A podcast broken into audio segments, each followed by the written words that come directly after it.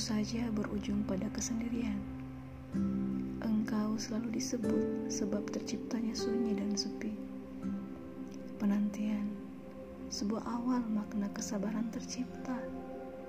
Sebuah awal makna kelapangan yang bersanding dengan kepasrahan. Penantian, wujud keyakinan pada zat yang menguasai langit dan bumi. Perjalanan yang penuh cerita yang membawa pelakonnya pada pelabuhan keikhlasan hingga saatnya bahagia.